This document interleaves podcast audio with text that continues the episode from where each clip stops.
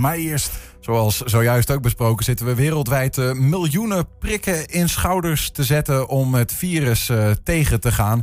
En daarmee ook eh, miljoenen mensen angstzweet in hun bil na te, te, stoppen. Want ja, prikangst hè. Voor hen is er in de toekomst mogelijk een uitkomst. Bij de Universiteit Twente zijn ze namelijk al sinds 2014 bezig met een techniek om te kunnen vaccineren of te kunnen prikken zonder naald.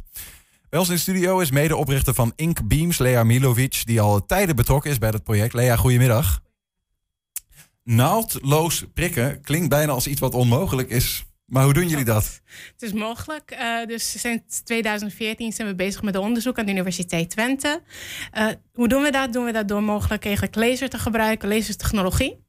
Uh, de laser wordt gebruikt om ehm, vloeistof te verhitten. Die zit in een glasbuis in een apparaat. Mm Door de hitte die ontstaat, ontstaat een belletje. En dat belletje zorgt ervoor dat de vloeistof of medicijn ja. Eh, naar buiten wordt geschoten eigenlijk. In een razendsnelle manier. Dat gaat heel snel. We hebben wat videobeelden, dan kunnen we misschien iets beter begrijpen wat je zegt. Misschien kunnen we er doorheen praten. Even kijken. Nou, dan zien we de laser inderdaad. Um, de laser gaat, um, we, wees van spreken, dus een belletje of de medicijn uh, verhitten. Ontstaat een belletje. En eigenlijk zien we daar dat de belletje zorgt ervoor dat de medicijn wordt naar buiten geschoten. En dat gebeurt heel snel. 360 eh, km per uur. En dat kan je vergelijken eigenlijk met een muggenprik. Een muggenprik die vaak voel je eigenlijk pas daarna als de mug jou heeft geprikt. Maar dat gebeurt zo snel dat wij eigenlijk verwachten dat het uh, helemaal geen pijn zou uh, doen. Je, je, je, zit eigenlijk met een laser. Um, uh, duw je de, het medicijn ja, de huid in? Klopt. Ja. ja, laser en een belletje die ontstaat. En een belletje. Fantastisch. Gezegd, ja. Onvoorstelbaar. Eh, eh, hoe kom je zo bij deze techniek? Waar, waar komt dit vandaan? Nou, mijn collega David Fernandez Rivas is bezig dus vanuit zijn eigen onderzoek aan de UT al jaren um, lang uh, met de wereld van bubbels. Het is een beetje een sneeuwvlak tussen geneeskunde en natuurkunde. Um, en eigenlijk dacht hij zelf van goh, als wij heel veel verschillende dingen kunnen doen met ultrason, met belletjes, met bubbels. Uh, laten we proberen om iets anders juist te doen. En uh, die idee is bij hem ontstaan. Mhm. En uh, daar doet hij al een paar jaar onderzoek naar. Dus. Want welke, even, dat begrijp ik nog niet helemaal. Je hebt een laser. Welke plek heeft dat belletje dan in het verhaal? Het gebeurt allemaal binnen, in dat apparaatje. Dus eigenlijk, de, de belletje is de, de verhitting van de vloeistof en de medicijn bij elkaar. Ja. En daar ontstaat een belletje. Het is een belletje van medicijn en vloeistof. en, en, die, en die vloeistof met dat medicijn erin wordt door een laser die huid ingepompt. Klopt. En uh, ja. dit wat jullie nu al sinds volgens mij 2014 was het mee mhm. bezig zijn. Um, deden ze mensen dit vroeger niet ook? Want het blijft ja. erbij dat er ook vroeger in Amerika bijvoorbeeld mm ook zonder naald dit ingeïnjecteerd werd. Klopt. het manier om te injecteren zonder naald is niet nieuw. Um, al in de 19e, 19e eeuw werd het gedaan. In de jaren 50 ook uh, voor degenen die gingen naar de leger, naar Vietnam. Dus de massavaccinaties uh, in de VS werden dat al gedaan. Maar de methode die we nu gebruiken is echt nieuw. Wat deden ze toen dan? Want ze hadden, hadden ze ook al lezen? apparaten en apparaten die best wel zwaar zijn, maken heel veel geluid. Wat, voor, wat voor apparaten zijn dat? Het zijn eigenlijk ja, manier om te injecteren zonder nadem. Maar volgens mij noemen ze dat met een coil. Dus dat is eigenlijk de term die daar wordt dus eigenlijk ook een soort coil wat opgewarmd wordt en eigenlijk bijna hetzelfde doet als jullie apparaat. Zo ben ik gek als ik niet snap wat het woord coil inhoudt? Uh, wat is dat? is in het Engels. Ik, ik zou het woord niet uh, zelf weten. Ik, ik ga het heel even opzoeken. Oké, maar dat was op een, op een andere manier, werd dat uh, niet ja. met een laser? Nee, absoluut niet. Nee. nee dus nee. dat is nieuw. Ja. Wat, zit er ook um, gevaarlijkere kanten aan? Als je de afweging, waarom zou je dit niet doen, bijvoorbeeld, met zo'n laser?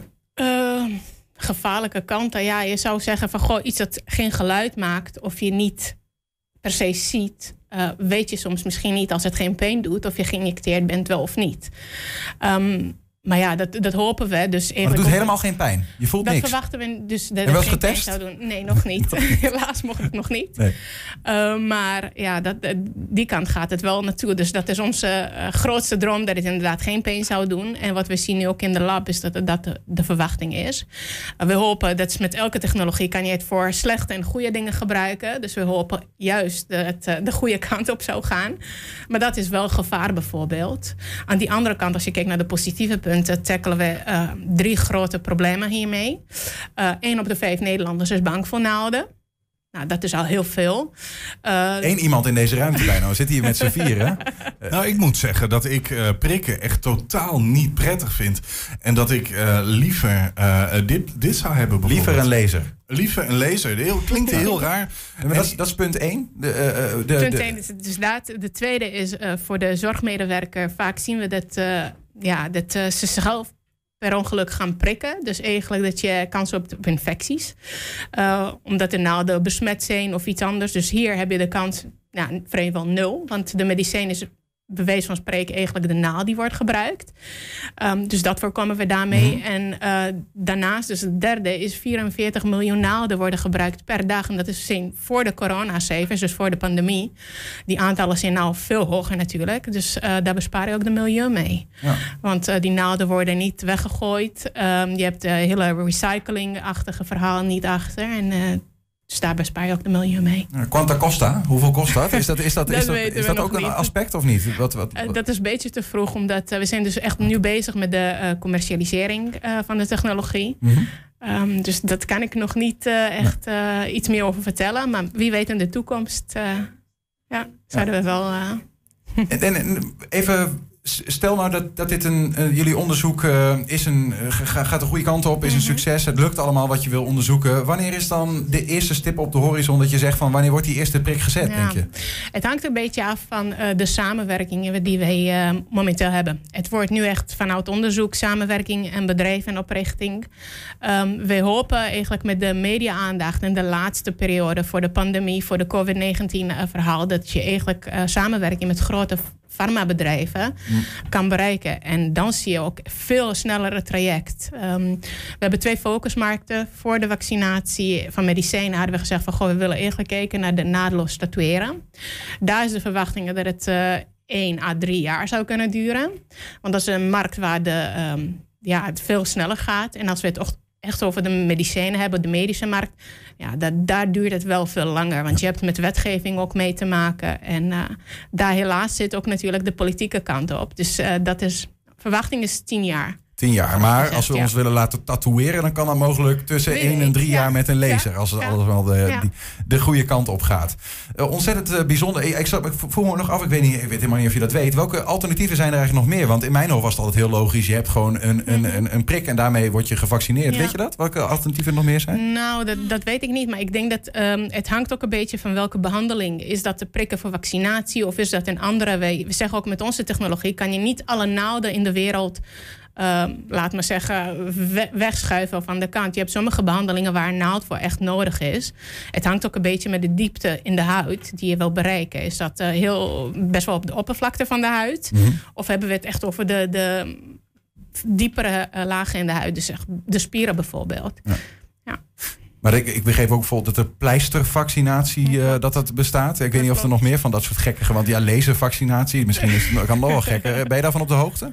Uh, nee. Nee, nee. In ieder geval komt die laservaccinatie komt er dus aan. Uh, vaccineren over, over misschien, als het er komt, komt het er over tien jaar pas, denk jij? Schat je in? Of sneller, wie, wie weet. sneller. Dat ligt een beetje aan mensen die meedoen in dit verhaal. En geld, denk ik, en zo. Hè?